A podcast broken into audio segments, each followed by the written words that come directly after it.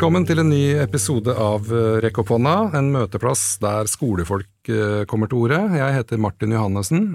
Husk å abonnere, så går du ikke glipp av noe som helst. Det er ikke bare bare å være nyutdanna lærer og du står i, foran klassen din for aller første gang. Heidi Granberg har vært gjest en rekke ganger i Rekk og har skrevet boka Kontaktlærer i eh, grunnskolen. Velkommen. Takk. Må spørre deg først, da. Liksom. Hvorfor begynte du som lærer? Hva var det skummelt? Eh, hvorfor jeg begynte? Nei, det var jo fordi jeg hadde lyst til å bli lærer, da. Ja, Eh, men, Det var ikke verre, du hadde ikke noe sånn eh, Det er ikke et kall? Eh, jo, jeg, jeg tror det var et kall bare at jeg ikke visste om det. Jeg har en far som er lærer, og det er klart Ja. at det, da blir du jo litt uh, påvirka. Men det var, jeg hadde lyst til å jobbe med folk og unger. Mm. Eh, og så sto det litt mellom barnehagelærer og lærer, og da landa jeg på det at jeg hadde lyst til å jobbe med fag. Mm. Så det var derfor jeg endte den veien. Men eh, det var vel egentlig bare å ha lyst til å gjøre noe for andre som var liksom tanken den gangen. Jeg begynte for litt fordi eh, jeg fikk barn og trengte like lang ferie som han. Ja. Det var en av grunnene da, eh, til det. Men jeg, jeg hadde innbilt meg at jeg hadde lyst til å være ungdomsskolelærer. At jeg hadde lyst til å begynne som det. Men jeg skjønte ganske fort at jeg ville være barneskolelærer. Og være med liksom fra første dag, da. Ja, det var jeg veldig usikker på gjennom hele utdanningsløpet, faktisk. Eh, For jeg hadde jo praksis både på småskolen, mellomtrinnet og på ungdomstrinnet.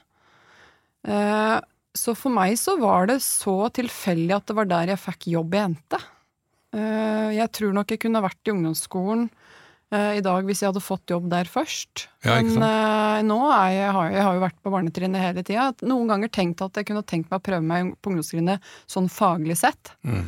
kom meg litt lenger i eh, historien enn i samfunnsfag, for eksempel. Ja. Litt sånne type ting. Men eh, samtidig så er jeg utrolig glad i uh, den fasen på slutten av barneskolen. Så Mm. det gir meg veldig mye å være der. Ja, jeg har jo vært de siste åra nå på ungdomsskolen, og jeg trives veldig godt der. da.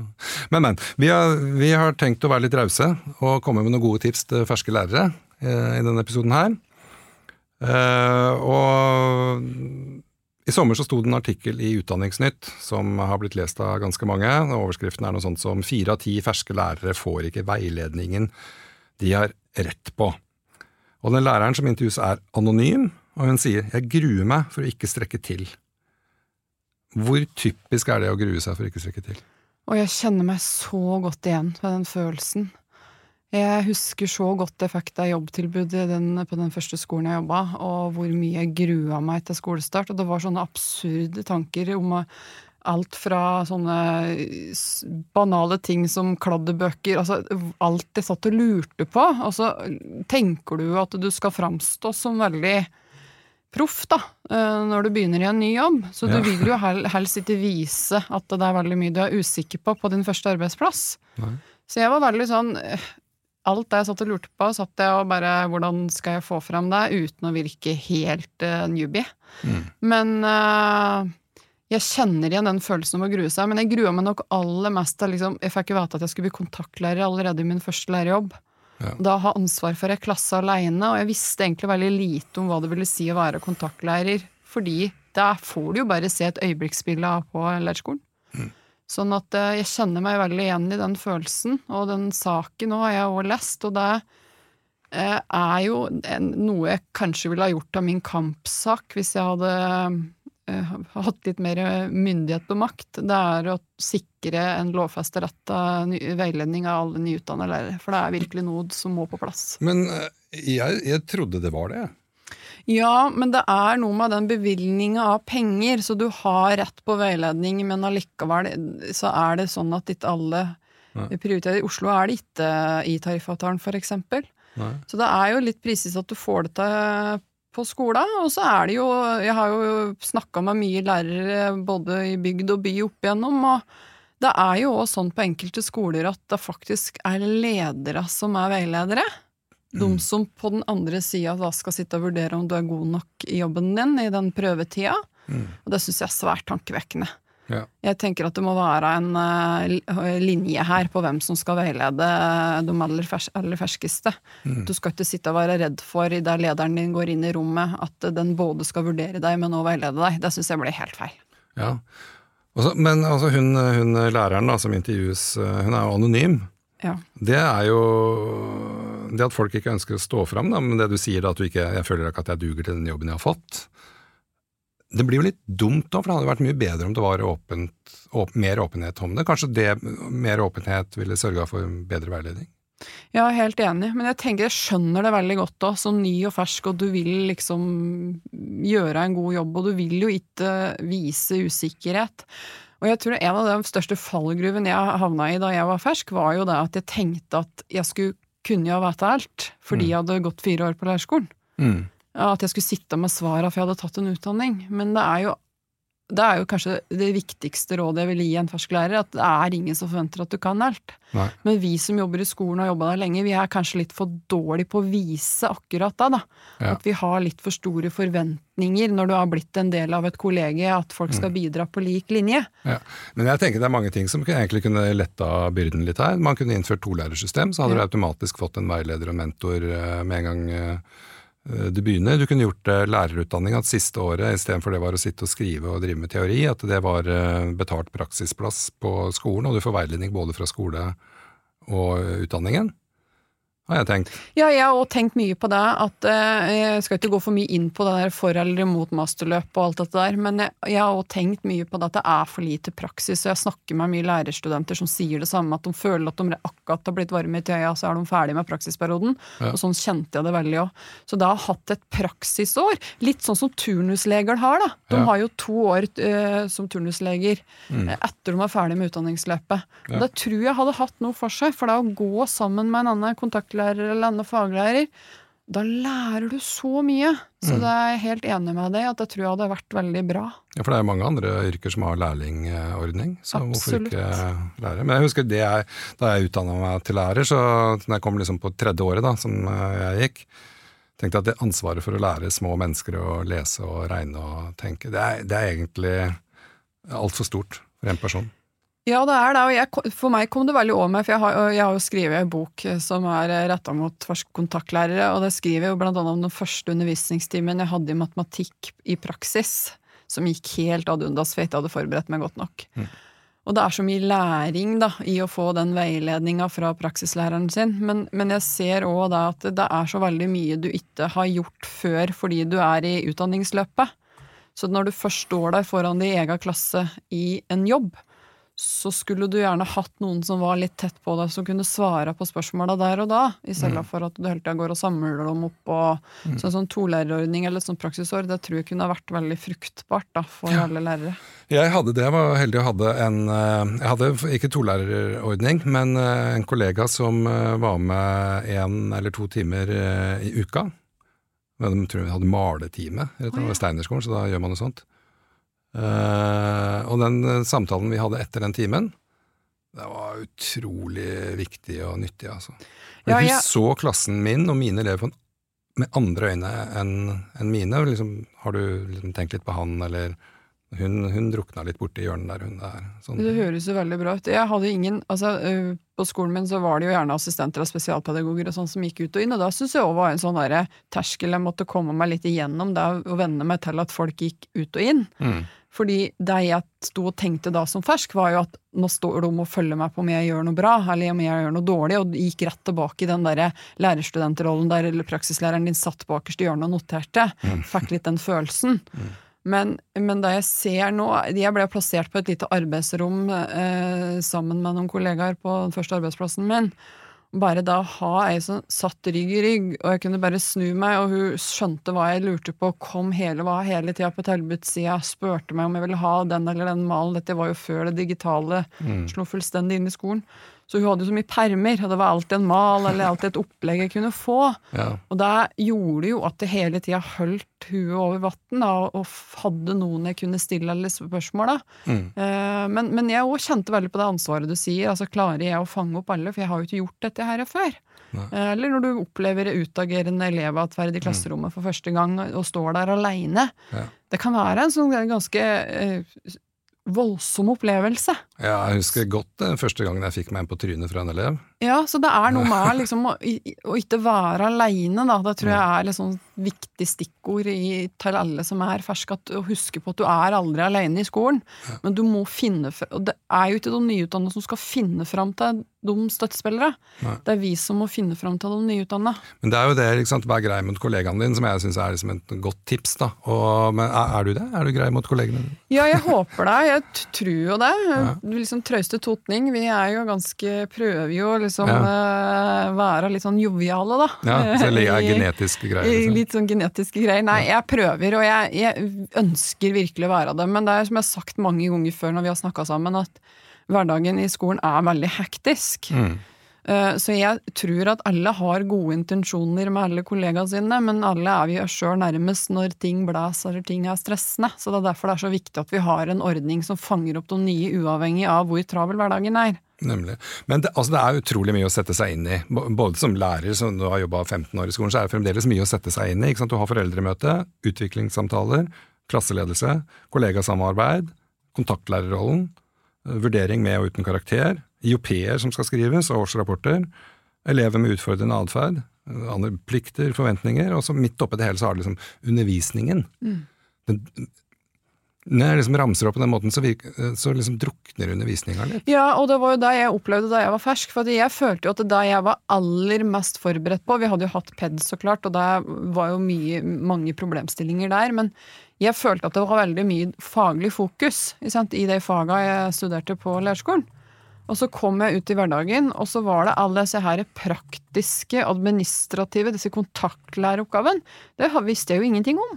Nei. Så undervisninga, det, det, som jeg følte meg mest forberedt på, for så vidt, det drukna jo i det at jeg ikke skulle ha mer tid til for- og etterarbeid. Det står jo på papiret at jeg har det, ja. men det drukner jo i en mm. hektisk hverdag. Mm. Så det er òg på en måte å lære seg hvordan du skal balansere mellom kontaktlæreroppgaver og undervisningsrelaterte oppgaver for etterarbeid. Mm. Det er jo en, en sånn viktig nøkkel, men det tok det meg lang tid før jeg lærte meg sjøl åssen jeg skulle liksom navigere meg gjennom dette der. Mm. Men jeg tenker på det, altså, altså, det er veldig mange måter å være ny på.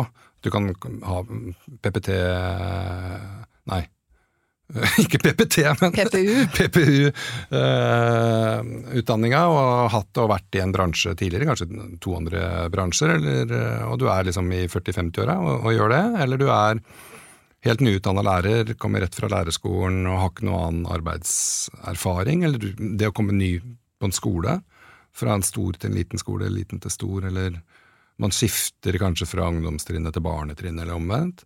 Så men for alle disse ny, uh, måtene å være ny på, så tenker jeg det er noen sånn fellesnevnere. Mm. Som jeg tenker er viktig. Det med veiledning og bli tatt godt imot og vist rundt og klapp på skulderen og sånn, det er kjempeviktig. Men, men, du sier jo at det er som ikke, vi er ikke gode nok på den veiledninga, og, den, og, og den er ikke på en måte lovfesta solid nok, da. Uh, og det er kanskje så kan vi sitte her og prate om det, at det, det burde den gjøre. Men hva er det skolene kan gjøre, liksom, helt sånn uavhengig om det er lovfesta? Nei, jeg tenker at skolen, både ledelsen og uh, Ledelsen må starte med å finne fram til noen nøkkelpersoner i personalet som uh, både har jobba noen år og har erfaring. Som uh, kan på en måte få en slags funksjonsrolle eller funksjonsstilling på skolen. da, mm. Om å ha et ekstra blikk på enten de nyansatte eller de nyutdanna. For jeg tenker at vi har jo òg en, en gruppe lærere som kanskje lett blir litt glemt. Du kan ha jobba bare en to-tre år i skolen, mm. og så skifter du arbeidsplass fordi du ikke hadde fast jobb. Og så har du egentlig ikke så mye erfaring, men fordi du ikke er helt fersk, så bare blir du sjalta inn som alle andre. Ja. Eh, og så har du da Så jeg tror òg at det, når vi husker på de nye, så er det gjerne de nyansatte eller de nyutdanna, men de som har litt erfaring, de glir på en måte bare inn. Men jeg må jo si, jeg jobba jo i tolv år på én skole, og så bytta jeg beite og hoppa inn i Oslo-skolen. Ja. Og jeg har jo aldri følt meg så liten og uerfaren som da jeg hoppa inn i Oslo-skolen. Så jeg var jo helt utrolig takknemlig for alle de lærere som tok imot meg og ga meg eh, en innføring i hvordan det funker her. For eh, ethvert skolesystem er jo ulikt. Ja, og jeg tenker, Men det, liksom, hvor stor var egentlig den forskjellen fra bygd til by? Nei, den er ganske stor, for at på den forrige skolen min så var det jo ei klasse per trinn. Det var ja. i, På en stor byskole så har du et mye større apparat rundt deg. Ting er satt mye mer i system. Mm. Sant? Gå fra å ha eh, en og en halv lederstilling til å ha fire lederstillinger. Altså det er veldig, veldig mye mer større. Mm. Sånn at der plutselig så var vi fire norsklærere på trinnet, fire samfunnsfagslærere, dette med fagansvar, trinnsamarbeid. Det, det blir Det er på en, profesjonalisert på en annen måte. Og det er, og trenger jo, trenger en jo å lære noe om når en ikke har gjort det før. Enda lenge jeg har hadde jobba. Ja. Så da måtte jeg tørre å innta den der ferskesrollen litt. Og det er jo ikke alltid like lett da når du har jobba i tolv år og lenger enn kanskje noen på trinnet ditt. Nei. Men du må, må på en måte tørre å stille deg spørsmål om det du lurer på, da. Ja, det tenker jeg, og det, det er jo kjempeviktig. Og det tenker jeg, det er jo ikke å si at man ikke strekker til. Det er jo at man er løsningsorientert. Dette har jeg tenkt å finne ut av, og du, jeg må spørre, hvordan gjør jeg det? Mm. Det? Det er jo bare bra, men det kan jo være skummelt òg. Det kan være veldig skummelt, og jeg tror ledere våre må være på og, og, og sørge for at det er eh, uavhengig av veiledningsordning. Det må være noen eh, ansatte på skolen som har ansvar for å se til at de har det bra. Eh, fordi det er, det er å strekke opp hånda og si at dette lurer jeg på, det kan være veldig vanskelig, og spesielt hvis du havner på en veldig stor skole, der ting går litt av seg sjøl. Så jeg bare da å sørge for at eh, du får informasjon om det første sosiale arrangementet og er litt på at mm. her, her, har du en plass. Mm. Eh, og så stikke innom er det noe du lurer på, trenger du noe hjelp? Eh, At vi er flinke til å gjøre det. Men jeg tenker at et overordna lederansvar å sørge for at, at det er noen som passer litt ekstra på. Ja. Jeg tok faktisk, da jeg jobba på Steinerskolen, så tok jeg ti studiepoeng eller noe sånt i eh, praksisveileder. Som praksisveileder. er jeg syntes det var kjempenyttig. Ja. Og jeg syntes det var veldig lærerikt for meg sjøl også å veilede de som kom rett fra, fra høyskolen. Mm. For jeg fikk jo et annet blikk på min egen praksis og mine egne elever egentlig med en gang. Ja, og jeg skal jo være praksislærer for første gang i år, faktisk. Ja. For lærerstudenter, da. Eh, Og det gleder jeg meg veldig til. Ikke bare fordi jeg tror jeg har noe å tilføre, men jeg tror de har noe å tilføre meg. Mm. For nå har jeg jobba så mange år at nå, du går jo litt i blinde og gjør det samme som du alltid har gjort. Så Ja, tenker er jeg at det er bare det å få litt ny input.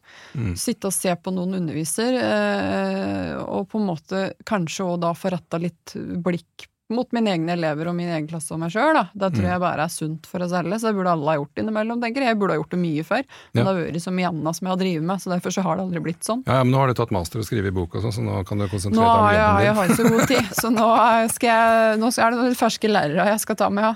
Ok, men da tar vi øh, et spørsmål øh, som er noe sånt som øh, Hva gjør jeg den første timen, den første dagen med den første klassen min?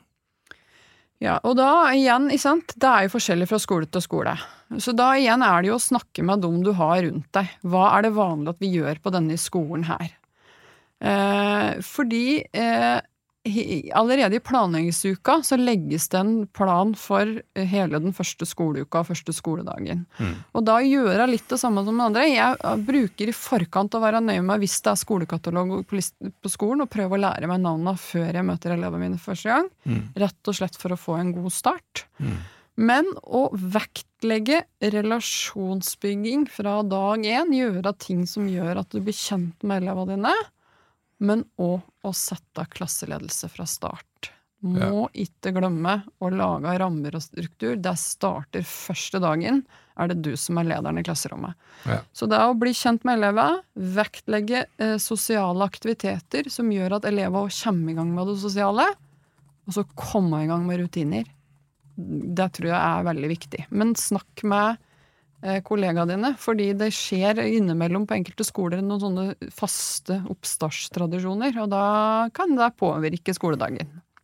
Ja, Absolutt. Jeg tenker det å, å, å lære seg navnet og bli kjent med elevene og starte relasjonsarbeidet og klasseledelsesarbeidet Ja. med rutiner er en superbra tips. Ja, og jeg Tips, bruker å, liksom, I planleggingsuka så bruker jeg å tenke gjennom er det noen her jeg burde ha tatt en telefon til hjem allerede i planleggingsuka for å høre hvordan sommeren har vært. Så hvis du har vært lærer i klassa ett år før, eller du får beskjed av kontaktlæreren du skal ta over klassa etter, eller på den nye skolen, om at her er det et par elever som det kan være lurt å ha et ekstra blikk på, så bruker jeg faktisk, sjøl mitt til kjenne kjenner og ringe 'hei, jeg er den nye læreren'. Mm. er det, hvordan har sommeren vært? Eh, jeg er veldig spent. Har eleven behov for å komme innom skolen en tur i planleggingsuka for å helse på meg?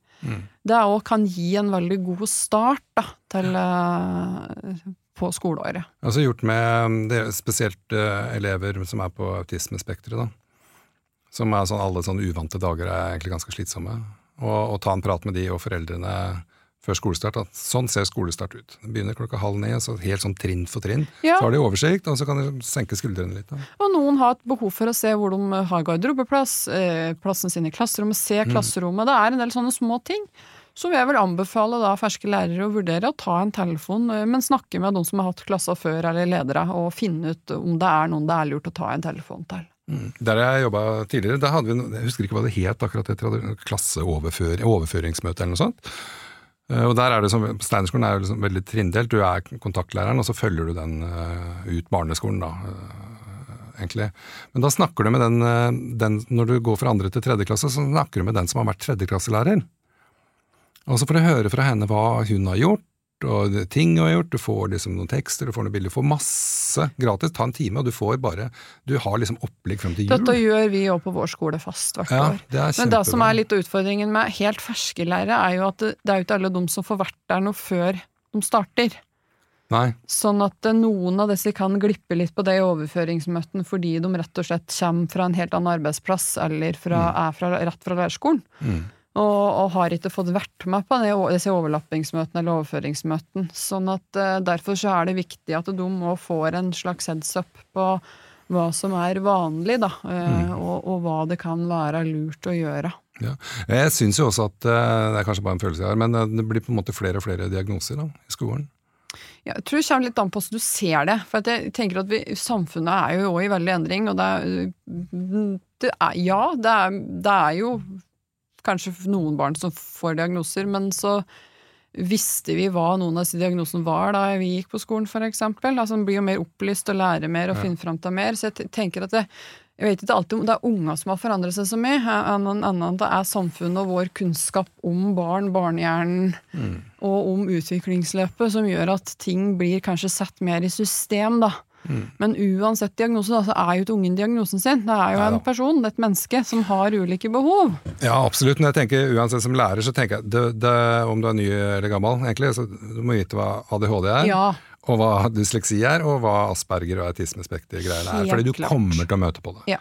Helt garantert. Og da er du kanskje litt mindre sjokkert og litt mer forberedt. Du kanskje kan være med og faktisk avdekke da, en, en diagnose. Det har jeg gjort flere ganger. På en måte sett at det her er det så mange symptomer som uh, betyr eh, Asperger, og så setter i gang prosessen. Ja. Da, for det tar tid. Jeg er helt enig. Å ha en liten sånn basiskunnskap om sånne ting er kjempeviktig. Og det tenker jeg også egentlig gjelder alle ting i skolen. At det er noen sånne grunnleggende ting det er greit å ha, vite litt grann om. Men det er ikke alltid du vet du lurer på det, eller vet at du trenger å vite om det før du står der. da. Så da Nei. må du gjerne ha, ha noen å spørre. Men eh, nå begynner vi å nærme oss eh, slutten her også, allerede. Eh, har du en sånn stalltips liksom, til eh, liksom todelt, bå- både som går til nyutdanna lærere, og nå har du sagt en del, altså ledelsen må, må på plass, og liksom de må, alt må forankres i ledelsen hvis det skal funke, men har du liksom en sånn stalltips? Ja, jeg har noen, og det er eh, sette grenser fra start for seg sjøl. For når du er fersk, så vil det være veldig overveldende, det er mye å sette seg inn i, og ingen forventer, det er viktig å huske på at du ingen forventer at du skal vite kun i alt. Men du er nødt til å sette grenser for deg sjøl. Du kan ikke jobbe døgnet rundt. Du er nødt til å ha noe pause. Så det å sette grenser, og da tenker jeg, er det nødvendig da å dele ut telefonnummeret sitt allerede første uka til foreldra i et informasjonsskriv på mail, eller kan du vente med det til du har blitt litt grann kjent etter første foreldremøte? Og så er det da å finne ut hva, prøve å lage en sånn liste. Hva må, hva må på plass planleggingsuka? Hva må på plass første skoleuka? Og så heller ta det som ikke er så viktig etter hvert. Ja. Så det å sette grenser for seg sjøl, både i foreldresamarbeidet, men òg for hvor mye en skal jobbe, det er superviktig. Og så er det da å finne fram til Uh, og på en måte huske at du aldri er aleine.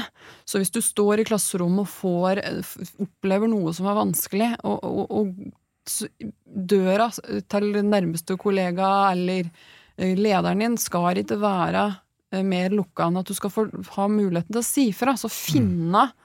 De som kan hjelpe og støtte deg når du trenger det. Så tenker jeg også få på plass relasjoner, relasjoner, relasjoner. Mm.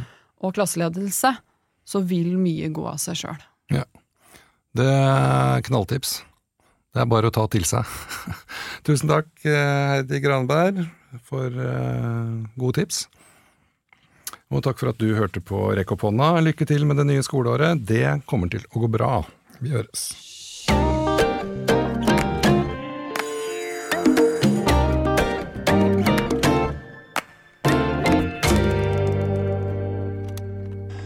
Produsert av